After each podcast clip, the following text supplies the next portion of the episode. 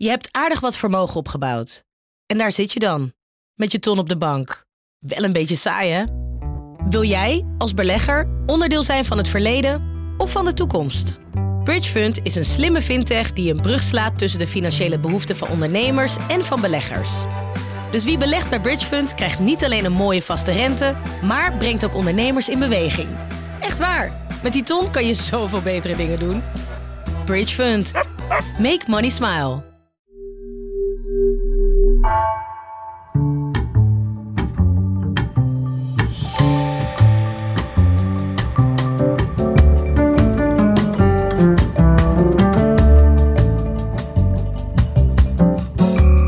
Welkom bij Heine en van Teutem. In deze podcast duik ik, Simon van Teutem, samen met Bas Heijnen in belangrijke kwesties van deze tijd. Iedere keer met een gast waar wij nieuwsgierig naar zijn.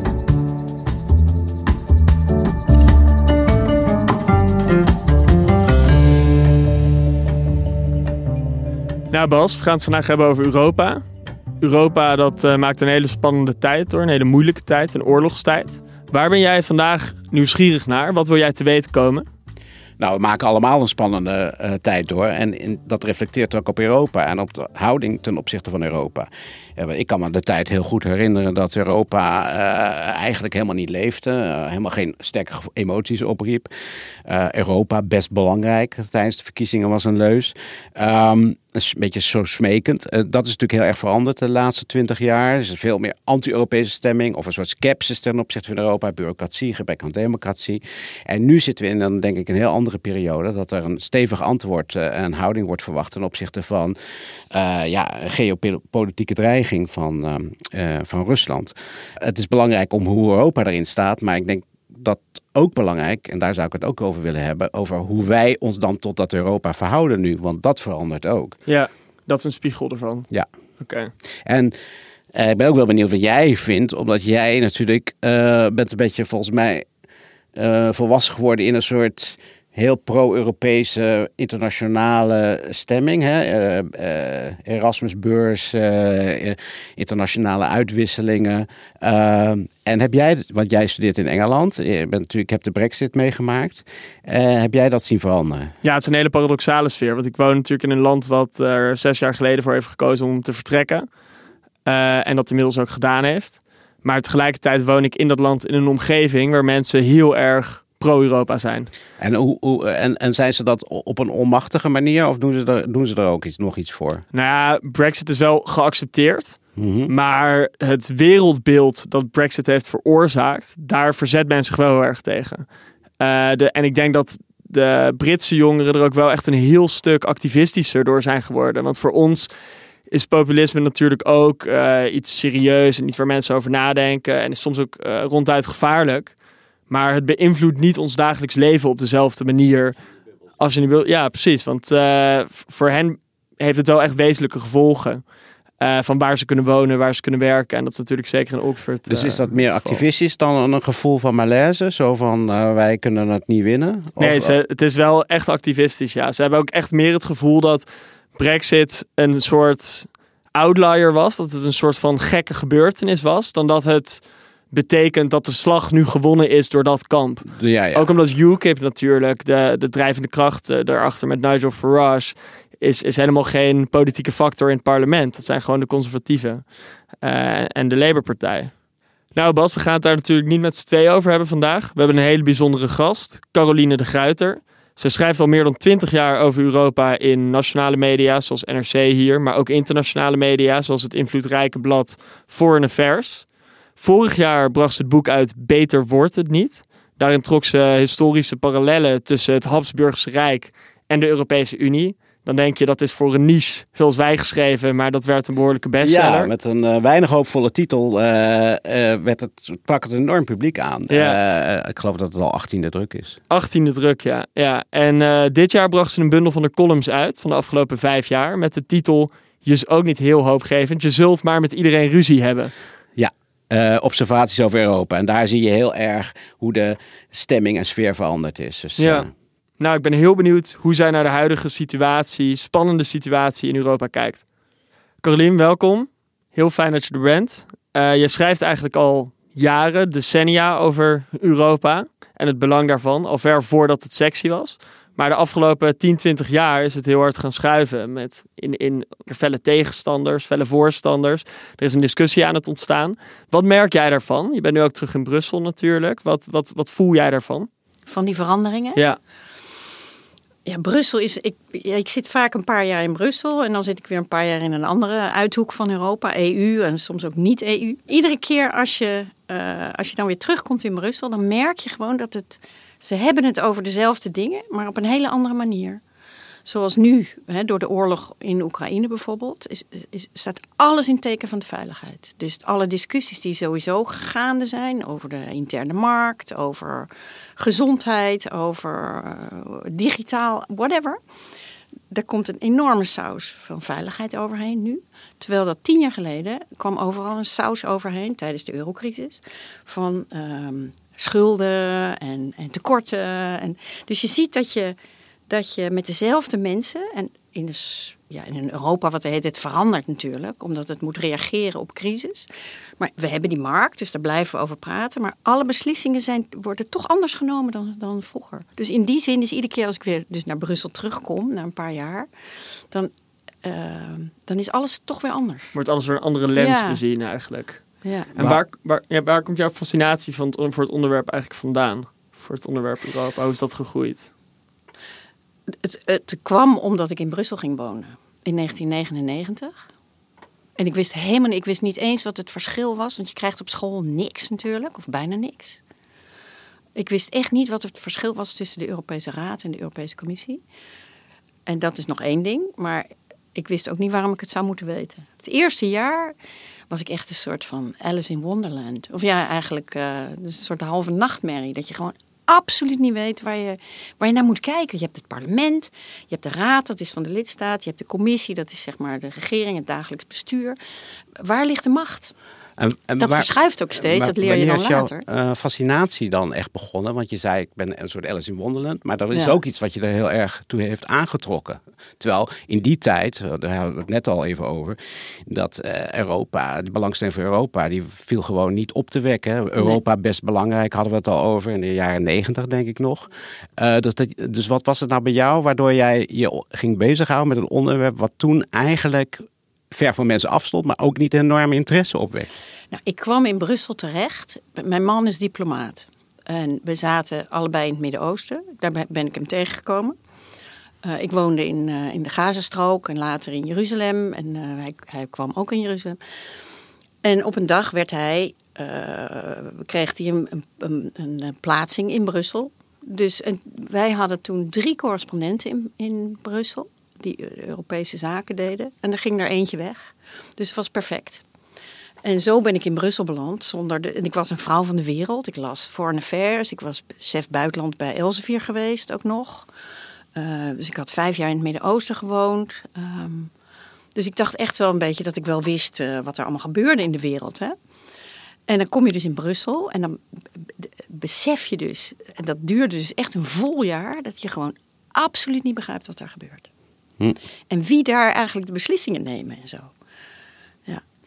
En, en, En dat integreerde en, je en dus? daarmee, dus dat heb ik heel erg moeten leren. Gewoon door, door in de verslaggeverij te gaan. Door bepaalde onderwerpen te gaan volgen. Europese onderwerpen. Op een gegeven moment dan grijpt je dat. En dan Ja. denk je dat je het net begrijpt. En dan gebeurt er iets. Dan komt de bankencrisis. Of dan eh, gebeurt er iets anders. Dan komen er grotere uitbreidingen zijn er geweest natuurlijk. Dat je ineens denkt van... Hé, hey, maar dit, is, dit verandert dus constant. Hoe heeft jouw houding zich ontwikkeld de afgelopen twintig jaar ten opzichte van Europese integratie of het project Europa? Zijn er grote nieuwe inzichten geweest? Is er veel veranderd? En hoe jij er naar kijkt? Ik denk dat ik eh, mijn, dat mijn kijk op Europa heel erg is eh, gegroeid door mijn jaren in Wenen. Hm. En dat kwam eigenlijk. ehm, ik verhuisde in 2013 naar Wenen voor vier jaar. Daarvoor had ik vijf jaar lang echt eh, met mijn laarzen in de modder gezeten in Brussel. Eerst de financiële crisis, toen de economische crisis en toen de eurocrisis. En dan kwam ik echt om zeven uur thuis als de kinderen al aan het ontbijt zaten en dat drie keer per week. Iedere dag voorpagina's tikken, eh, et cetera. En dan zie je dus dat dat uh, Europese landen een heleboel gezamenlijk hebben opgetuigd. Schengen, dus alle binnengrenzen weg. Uh, een euro, ook alle binnengrenzen weg eigenlijk. Hè? We mhm. hebben allemaal hetzelfde. Maar ze vergaten dus eigenlijk om, die, om een soort verdedigingswal eromheen te bouwen. Dus we hadden geen uh, grenscontrole, want dat, uh, dat hoeft allemaal niet. En we hadden dus ook geen backup voor als de euro zou gaan schuiven. Nou, al die dingen hebben we dus gezien, dat is allemaal dus wel gebeurd. En dan leer je eigenlijk dat, ja, als je. Er is één instelling in Europa die over het Europees belang nadenkt. En dat is de Europese Commissie. die moet dan voorstellen maken van er lopen dingen scheef. Oké, het zou in het Europese belang zijn als we het zo en zo doen. dat is vaak heel gewoon pure logica natuurlijk. Ehm, en ik heb heel lang op de lijn gezeten dat ik dacht van jongens, doe dat dan nou gewoon. Dan hebben we geen eurocrisis meer, dan hebben we geen, geen bankencrisis meer. En uh, dat is veel beter. Gewoon doorpakken. Dus een soort federaal Europa. Ik denk nog steeds dat dat de mooiste oplossing is. Hè? Uh, dat we een, een, grote stap zouden maken, zoals de Amerikanen dat destijds gedaan hebben. Met, met één centrale bank die, uh, die onafhankelijk kan opereren, nou, et, enzovoort enzovoort. Maar, Toen verhuisde ik dus naar Wenen. Ja. Maar je weet, het gebeurt niet omdat de lidstaten de macht hebben.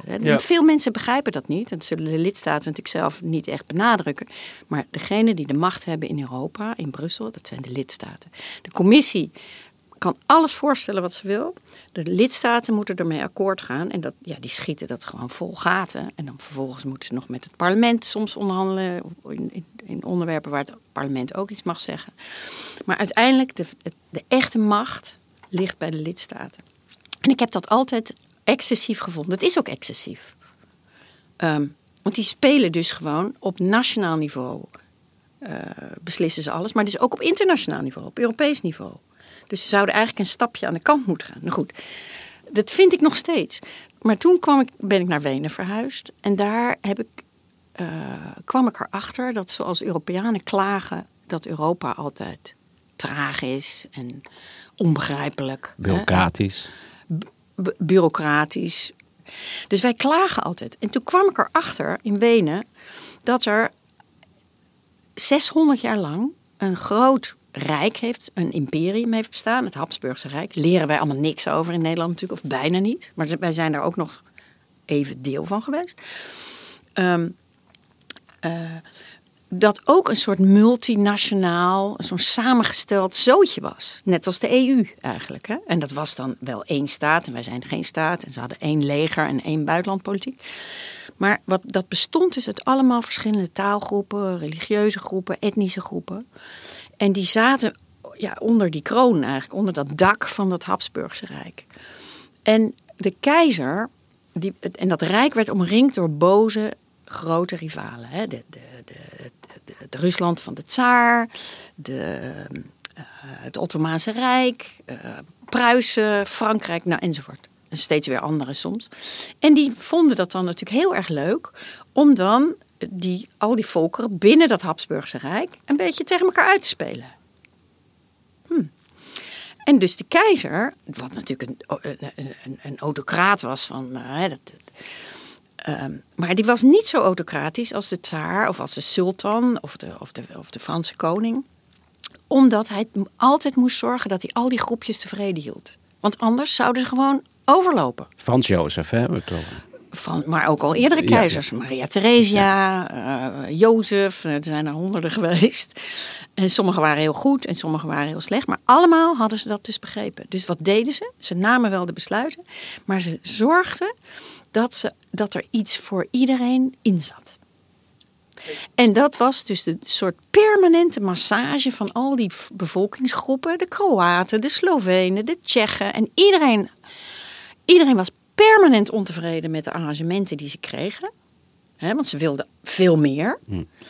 Maar ze haalden er genoeg uit om erbij te blijven. En dat deed mij dus zo aan Europa denken. En dat heeft mijn... Sorry, het is een beetje een lang antwoord maar je vraag is, heel goed. verhaal. Dat heeft mij dus toch anders naar Europa laten kijken. Ik vind nog steeds dat de lidstaten uh, de grote bek hebben eigenlijk in Brussel. Aan de andere kant ben ik wel door die, door dat, door die grote uitstap in de Habsburgse geschiedenis... heb ik begrepen dat je dat het waarschijnlijk cruciaal is dat al die groepen, uh, ja, in het Engels zeg je zo mooi, dat they own the policy. Dat zij zich deel voelen van dat besluit, dat het hun besluit is.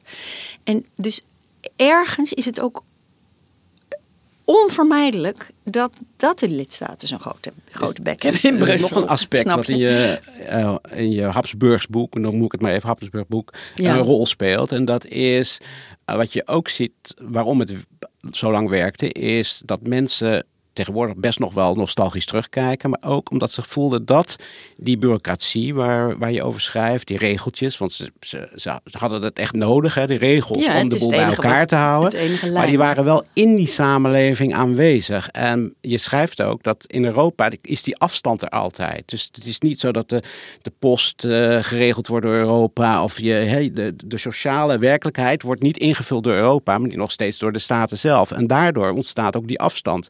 Dus aan de ene kant, dat is ook weer een verschil met ja. Habsburg. Ja, er zijn, een, er zijn een hoop verschillen. Kijk, de, de, de bureaucratie van Europa, waar iedereen het altijd over heeft, ja, dat is iets van 35.000 mensen voor heel Europa. Dat is de stad Tilburg, hè? Ja. Dus minder dan de stad Parijs. Um, in het Habsburgse Rijk waren het er honderdduizenden. Alle plantsoen. Uh, maar dan gaat het dus die voor de plantsoenendienst werkten, de leraren. Ja. Iedereen werkte op, zat op, stond op de payroll van de keizer. Dus die, hadden, die, die vormden daar fysiek deel van. Dat is absoluut waar. Maar hoe komt het dan dat sommige mensen die bureaucratie toch als zo vervreemdend ervaren, terwijl het eigenlijk over zo'n klein clubje Omdat ze dat gaat? niet weten. Ja, of omdat, ze, omdat het een ander woord is voor de afstand die ze voelen. Uh, ja, dat ook. En ik denk ook dat, kijk, de, de, de, uh, nogmaals, de regeringen, die vinden dat eigenlijk wel goed. Dat mensen dat beeld hebben over hm. Brussel. Hm. Hm. Um, want heel vaak heb ik meegemaakt dat ministers, Nederlandse ministers, maar ook uit andere landen, uh, dat doet iedereen eigenlijk, die komen naar Brussel. Zoals nu tijdens die energiecrisis, oorlog in Oekraïne, of tijdens de eurocrisis, of weet ik veel wat. Die komen naar Brussel en die nemen dan met z'n allen een besluit. En dat is give and take. Hè? Je geeft wat en je neemt wat. Want, Habsburg weer, uh, iedereen moet er moet iets krijgen. Er zijn geen winnaars en geen verliezers, anders valt de boel uit elkaar. Dan lopen de mensen boos weg. Uh, dus iedereen, iedereen moet eigenlijk iets krijgen. En dan komen ze terug in Den Haag of in Parijs of in, in Budapest. En dan zeggen ze, praten ze alleen maar over datgene wat ze gekregen hebben.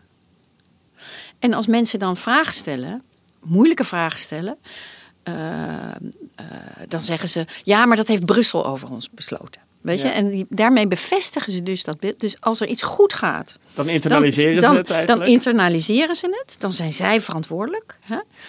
Uh, en als er iets fout loopt, dan hebben die anonieme uh, bureaucraten in Brussel dat besloten.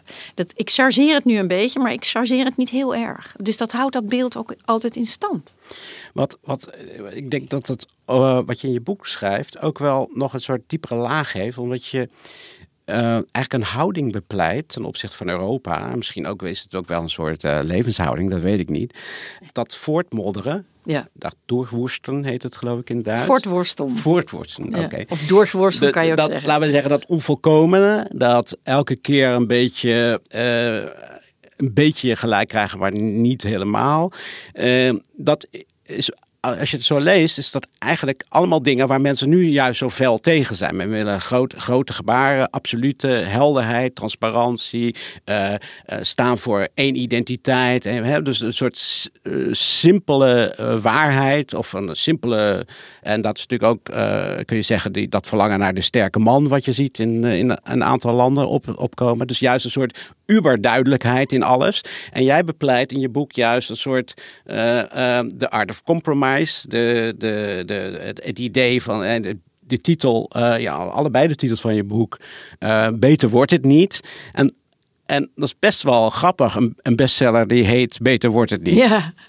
Um, Klinkt niet alsof de mensen willen, willen horen. Dus hoe verklaar, hoe verklaar je dat? Dat mensen dat toch uiteindelijk dat idee van ja joh, uh, het zal nooit perfect worden. En Europa is heel vaak reactief, zoals je net al beschrijft.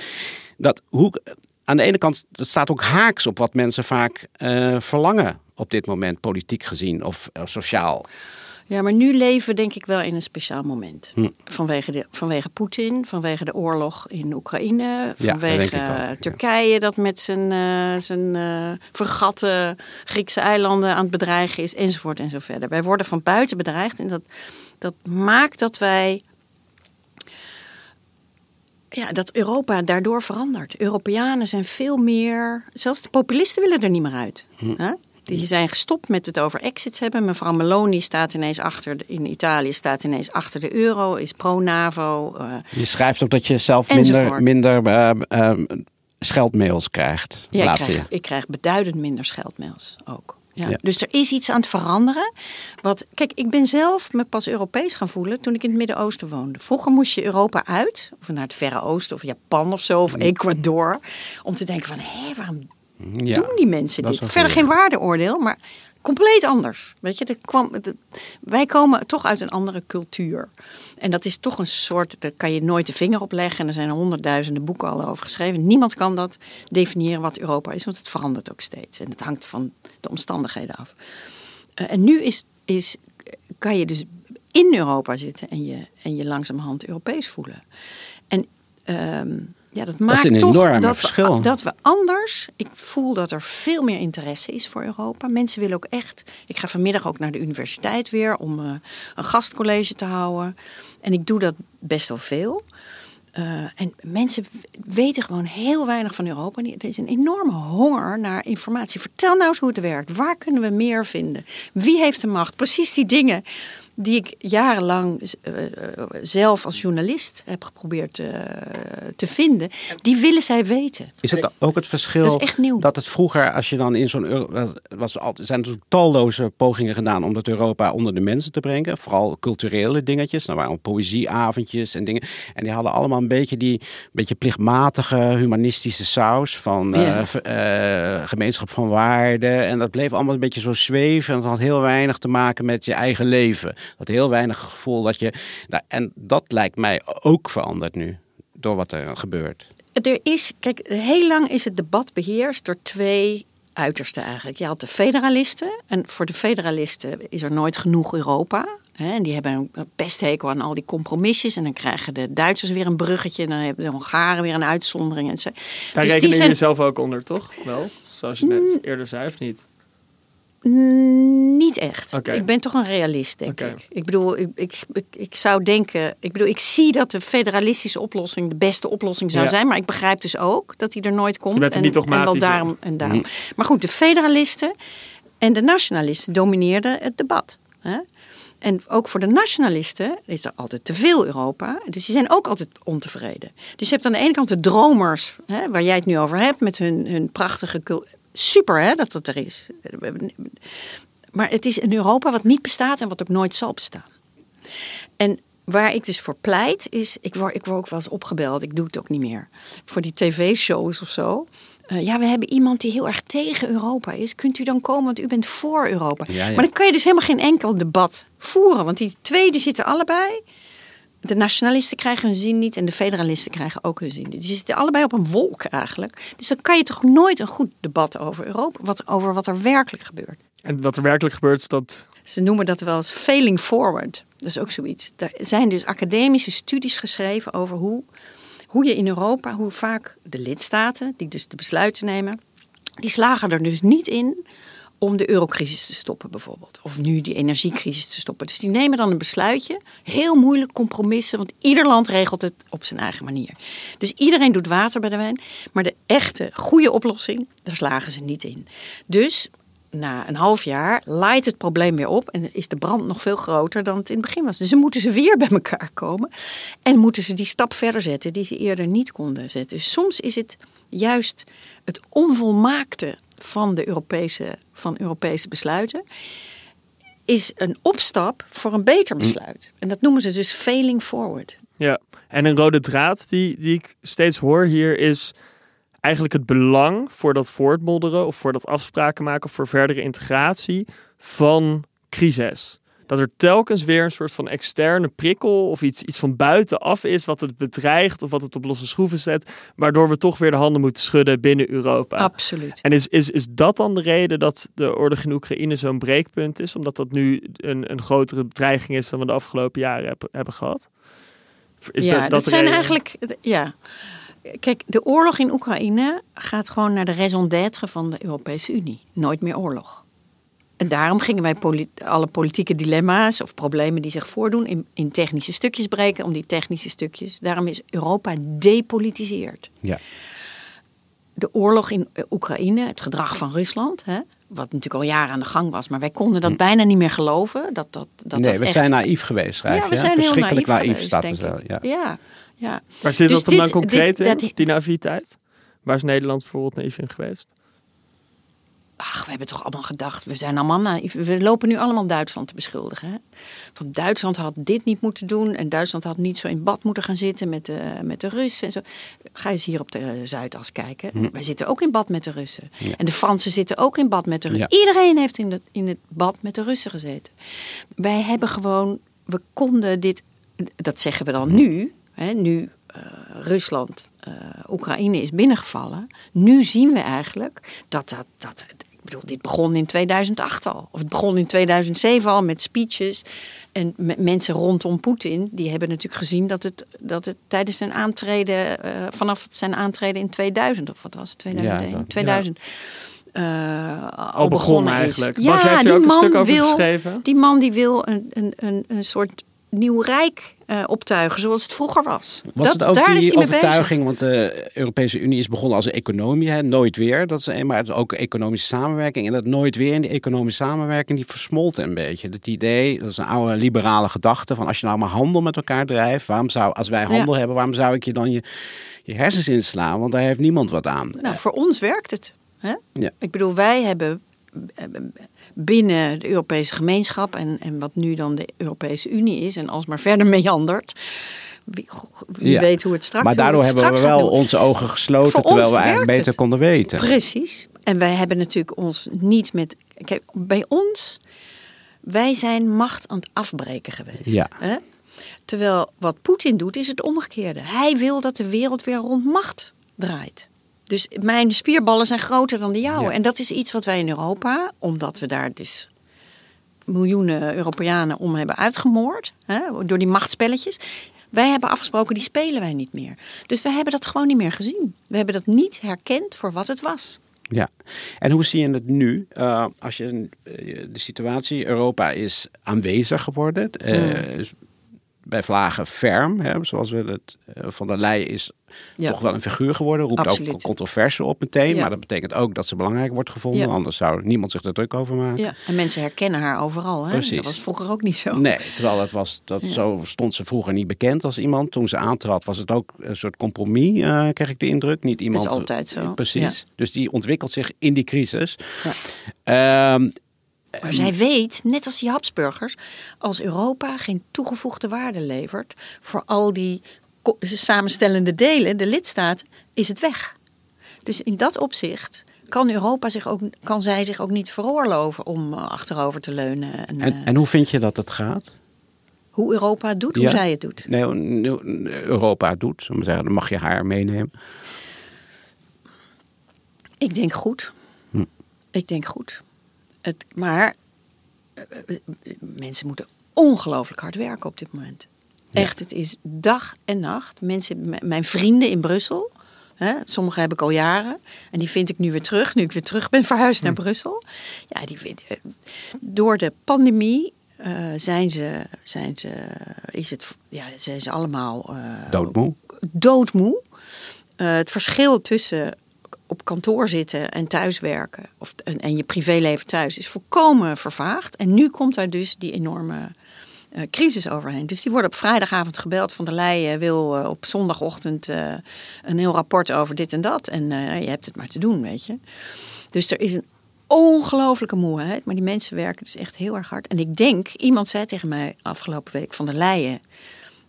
is niet heel erg populair bij haar mensen. Hm. Want die wil gewoon dat de dingen gedaan worden. En hoe, dat ze kan er verder niet schelen. Ze trekt beslissingen naar zich toe. Uh, en als zij geen tijd heeft om ergens over te besluiten en je kan niet alles tegelijk doen, dan gebeurt het heel lang niet. Dus er zijn heel veel posten die heel lang open blijven, wat totaal onverantwoord is, waardoor mensen overbelast raken. Het interesseert er allemaal geen bal, het moet allemaal gebeuren. Dus daar zijn ze heel erg kritisch op haar. Maar mensen zeggen wel, she, get things, she gets things done. Dus ze hm. krijgt dingen voor elkaar. Iedere keer weer. Kijk, in principe, jij vroeg daar net ook al naar. In principe willen de lidstaten niet meer Europa. Willen ze nooit. Daarom reageert Europa altijd. Ehm, als het echt niet anders kan, en ze hebben eerst ook nog uh, uitgevonden dat ze, dat ze het niet alleen kunnen, dan komen ze in Brussel samen en dan vragen ze de commissie om iets te doen. Ja. Maar nu gaan alle dingen heel. Het gaat nu echt over oorlog of vrede. Hè? En hebben we nog stroom en, en, en toch tamelijk vitale eh, business. Er is een enorme recessie die eraan komt. Inflatie giert. Dus alle regeringsleiders staan onder enorme druk. Dus die willen alles gewoon morgen geregeld hebben nu. Maar dat, dat gaat enorm snel. Dus, en de commissie moet dus uh, met hetzelfde aantal mensen, die moet dus ongelooflijk veel werk leveren. Viel me nog iets anders op in je betoog. Dat hmm. je, aan, je zegt die federalisten, uh, die krijgen, krijgen het Europa niet. Uh, en die nationalisten krijgen het ook niet. Nee. Maar die houding die natuurlijk al tien jaar lang, of twintig jaar lang, of dertig jaar lang, nou twintig jaar lang, uh, eigenlijk ook door bijvoorbeeld iemand als Mark Rutte gepropageerd is. Het idee van met lange tanden in Europa zijn.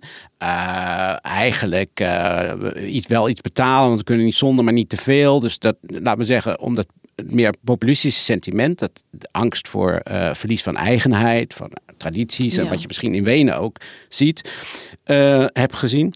Um, die dubbelzinnige houding, we krijgen dus ook nooit een soort liefde voor Europa. Nee. Dat is eigenlijk het gevolg. Nee, maar dat is, dat, Europa is altijd doet altijd alles half. En ons gevoel voor Europa is ook heel erg half. Ja. En, de, en, de, politici willen natuurlijk aan de ene kant niet dat de boel in elkaar flikkert. Want we halen er echt heel erg veel uit. Hè? Ehm, dus die willen dat de EU blijft bestaan. Uh, en sterk blijft, juist nu.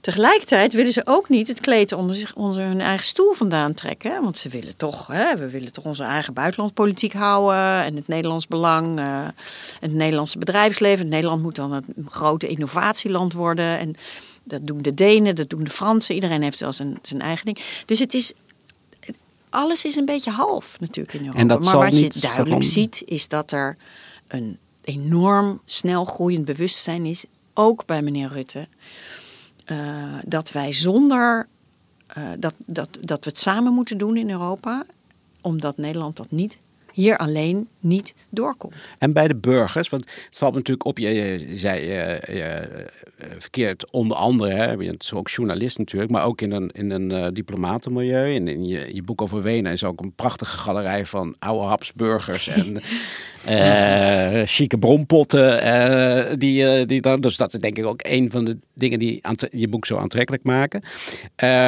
Maar er is natuurlijk ook al heel lang een, een, een, een sentiment anti-Europa, fel. En die het ook in absolute termen ziet. EU-SSR, weet je wel. Het idee van we worden gedomineerd. En nou ja, dat, dat is best, best een krachtige metafoor voor heel veel mensen. Um, maar nu is de verrassing dat Meloni, die gekozen is in Italië, eigenlijk niet per se uh, pro-Poetin is, wat al een, verademing is. Europa heeft, denk ik, wat, daar weet jij waarschijnlijk meer van, een wat, wat dubbelzinnige houding uh, toe. Um, hoe zie jij het sentiment, laten we zeggen, het, klassiek populistische sentiment, dat echt veel anti-Europa is, verandert daar ook iets? En, en um, wordt er ook aan gewerkt om dat te veranderen, zeg maar? Ja. Wat je ziet is een enorme verschuiving. Dat is, is niet, dat is niet door de oorlog in Oekraïne alleen. Dat begon al met Brexit. Ja. want dat is toch een zootje geworden, laten we eerlijk zijn. Ja. er was geen plan. Mensen, mensen lijden daaronder. Um, Achteraf, wat zou jou... Dus een heleboel populisten, rechtse populisten en eurosceptici... die zijn op een ander spoor gaan zitten. Die willen geen exits meer. Maar die willen eigenlijk Europa van binnenuit veranderen. Wat misschien eigenlijk nog wel veel enger is. Hè? Ja. Want daar moeten we een antwoord op hebben. Ja. Um, vroeger speelden ze allemaal, bedreven ze politiek op nationale podia. Salvini in Italië, uh, de Strache in, in Oostenrijk, nou iedereen. Le Pen in Frankrijk, iedereen had er wel een paar. Overal waren er wel een paar. Um, en die beginnen nu, die proberen nu, hè, wat niet eenvoudig is, want er zijn heel erg veel verschillen tussen hen.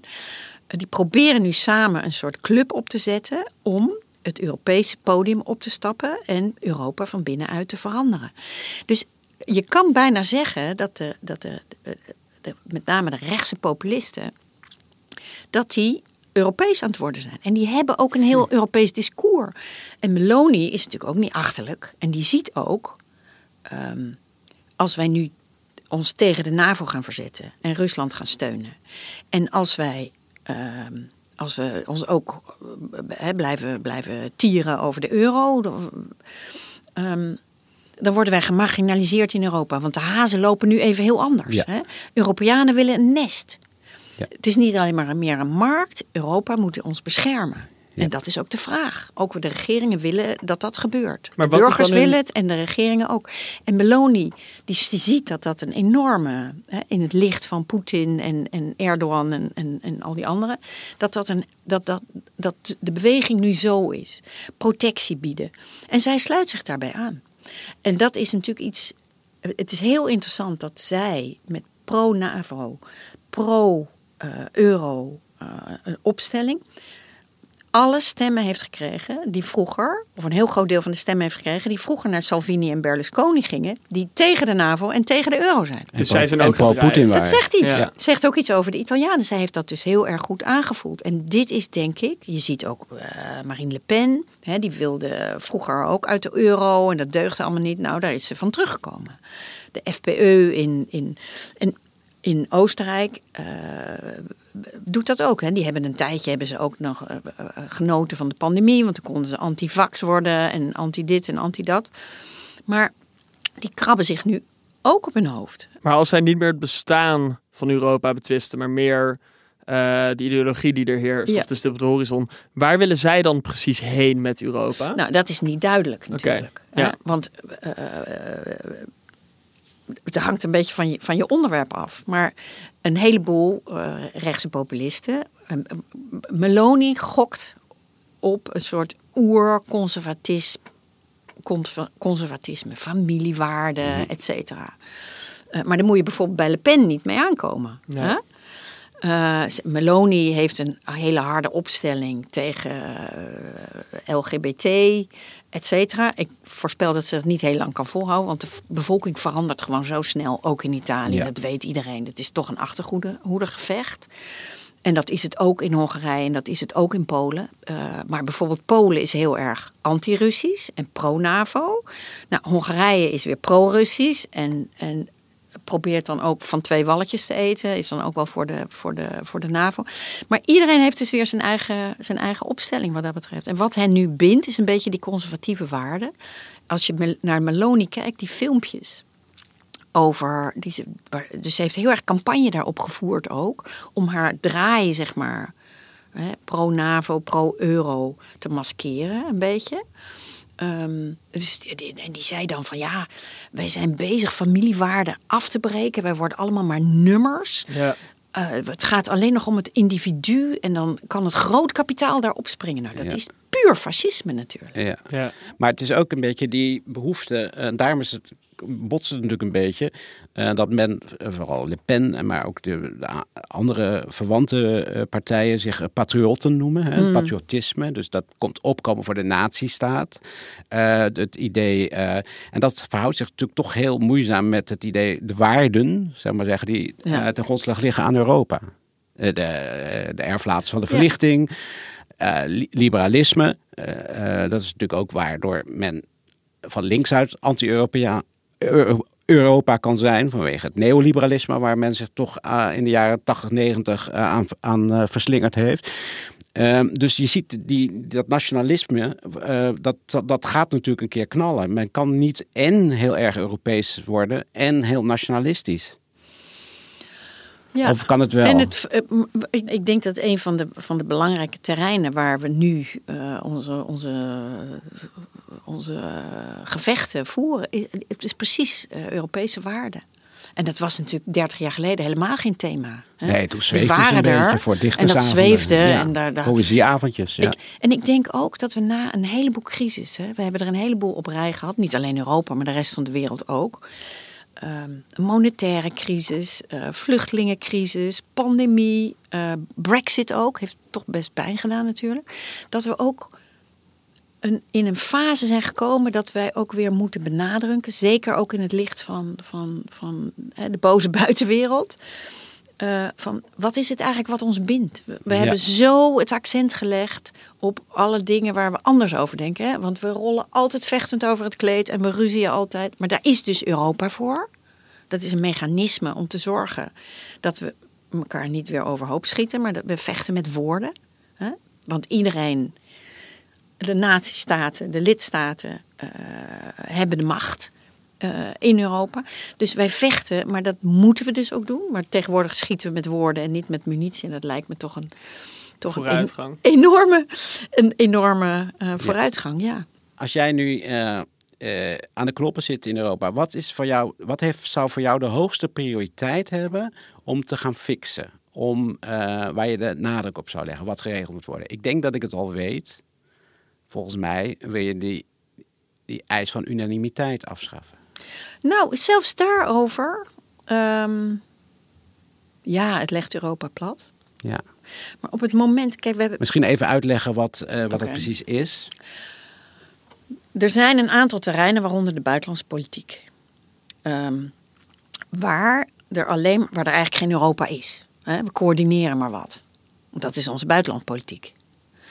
Ehm, als daar besluiten worden genomen, zoals sancties tegen Rusland bijvoorbeeld, dus nu deed het aan de orde, ehm, dan moet, moeten alle lidstaten, dus alle 27 akkoord zijn. Als er eentje dwars ligt, zegt heb ik geen zin in, dan gaat het feest niet door. Dus daarom zie je dus dat Europa bijvoorbeeld mensenrechten schendingen in China Niet ehm, altijd Niet- kan veroordelen. niet als EU kan veroordelen, maar dan, dan ehm, omdat Hongarije dat dus, die ligt altijd dwars. En dat gaat aan de lopende band gaat dat zo. Ehm, dus dan zie je, eh, een verklaring wordt er dan uitge- uitgebracht namens 26 eh, EU-lidstaten. Dat je echt denkt, het is echt gênant voor woorden. Ja. Ehm, dus je zou eigenlijk daar meerderheidsbesluitvorming van moeten maken. Eh, want dan moet je dus, als je, als je een besluit wil blokkeren, moet je dus met een groepje landen komen. En dan moet je gewoon met goede argumenten Ja. komen. Zo gaat het bijvoorbeeld op, op het gebied van handel, op het gebied van landbouw. Dat zijn precies de gebieden waar Europa machtig is in de wereld. Hè? Al heel lang en dat blijft ook zo. Ehm, tegelijkertijd, als je het op die vlakken doet, dan. Want dan voelen lidstaten zich overruled. En dan komen we terug bij Habsburg. Ja, en dat kan ook weer een gevaar zijn. Dat dus. kan een gevaar zijn. En zeker met En ik heb buitenlandpolitiek. ook een voorbeeld van hoe het een gevaar kan zijn. Omdat Europa dus nu heel erg bezig is, nogmaals op verzoek van de lidstaten, maar met dingen die burgers ehm, heel erg raken. Zoals veiligheid bijvoorbeeld. Als je daar landen overruled, of migratie. We hebben met migratie op een gegeven moment, een paar jaar geleden. Ik was er eerst heel erg voor, maar daar ben ik toch op teruggekomen. We hebben op een gegeven moment besloten, eh, na eh, 2015, 15. toen liepen dus meer dan een miljoen mensen Europa Ja, binnen. ja. Eh, om te beginnen, een heleboel Weer schaffen dat. een heleboel vluchtelingen, echte oorlogsvluchtelingen uit Syrië. Ehm, een aantal landen in Midden-Europa hebben geweigerd om die op te nemen. En dat werd dus zo pijnlijk en vervelend ook, dat we toen hebben besloten, met een meerderheidsbesluitvorming was dat, om een distributiesysteem eh, op te zetten, waar ook die onwillige landen in betrokken werden. Een verdeelsleutel. Dat is hun door de strot gedrukt. Eh, en ik vond dat destijds een goed idee, want ik dacht, nou dat zal je leren, weet je, wees eens een beetje solidair, et Ja. cetera. Maar dat is dus heel erg tegen ons gaan werken. Dat waren de Visegrad-landen. Hè? Ja. Dat was Polen, dat was Hongarije, dat was Tsjechië, dat was Slowakije. En sommige anderen sloten zich daar nog bij aan ook. En die hebben gewoon alles gesaboteerd. Dat heeft denk ik heel erg hun gevoel eh, versterkt van in dit Europa hebben alleen de West-Europeanen het voor het zeggen. Ze kijken op ons neer. Ehm, dat heeft denk ik heel erg bijgedragen tot een kloof in Europa. En nou zeg ik niet, soms is het dat waard, hè? Maar ik weet niet of het dit zozeer waard was. Ik denk dat we, ik denk dat we, als we het op een andere manier hadden aangepakt, dat we misschien verder waren gekomen. Iets toegefelijker bedoel je? Iets toegefelijker, iets meer, ja, ik weet Iets ook niet hoe je dat. Iets meer Iets Habsburgs, iets meer, force- iets meer masseren, iets meer met geld, weet je. Eh, eh, eh, Dan krijg je misschien nog dit fondsje en dan kunnen we die centra voor jou betalen. Of dan weet iets anders wat jullie graag willen. Zo gaat het altijd in Europa. Misschien hadden we er, want dit, dit raakte dus echt.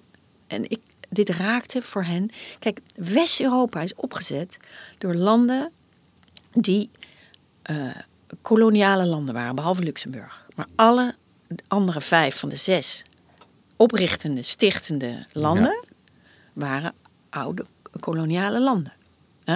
Die gewend waren, ik zeg niet dat we er goed in, in waren, laat staan dat we er goed in zijn, maar we waren er toch gewend aan om met minderheden om te gaan, om met mensen om te gaan die, die anders waren dan wij en om te proberen om daar met z'n allen iets van te maken. Lukt allemaal nooit heel goed, dat zien we nog steeds vandaag, maar het besef is daar.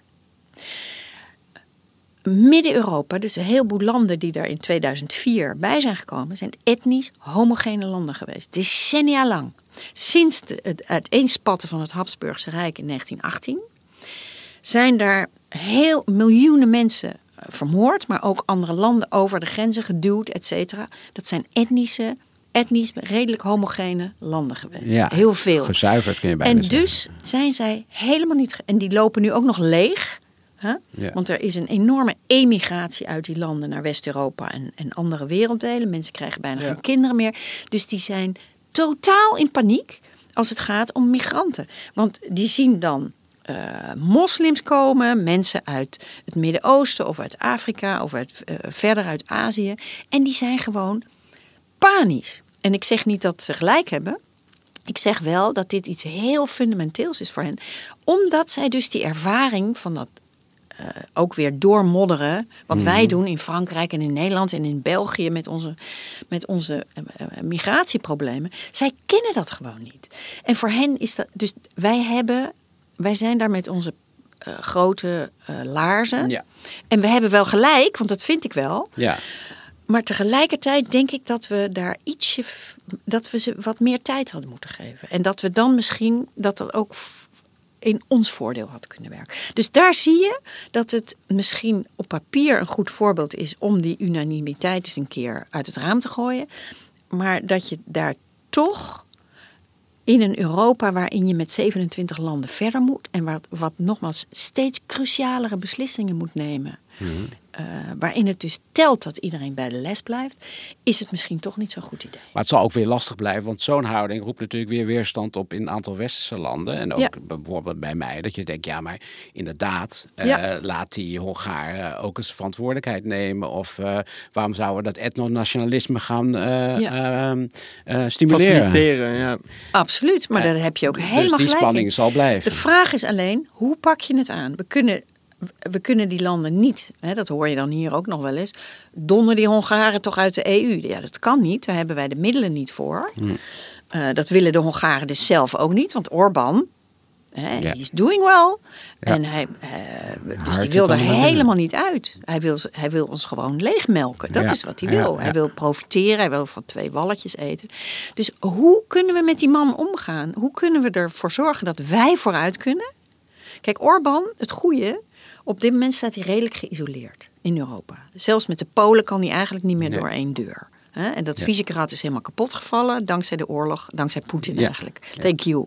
Mr. Poetin. Ehm, dus eh, eh, eh, Hongarije is een klein land. Dus als, als hij geïsoleerd kan blijven staan, dan komen we waarschijnlijk verder door gewoon een beetje, een beetje te negeren. Gemeente, ja, ja. Door een beetje. En dan zeggen natuurlijk de scherpslijpers: ja, maar de Europese regels. En die hebben dus het grootste gelijk van de wereld. Maar ik denk dat we eh, daar langzamerhand, steeds, we draaien heel langzamerhand de duimschroeven aan. En dat doen we met financiële middelen. Er komt binnenkort weer een deadline aan.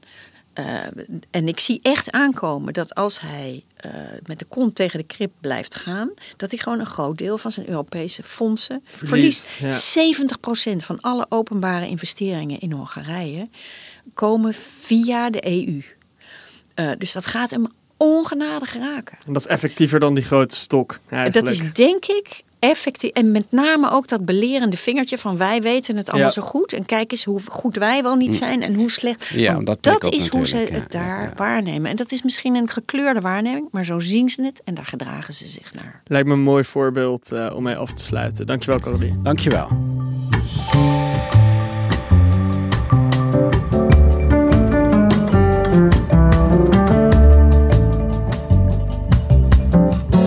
Dit was Heine en van Teutem. Producer van deze aflevering is Inge Ter Schuren. Montage en tune werden gedaan door Jeroen Jaspers en Bas van Win. Luister alle afleveringen van Heine en van Teutem in de NRC Audio app.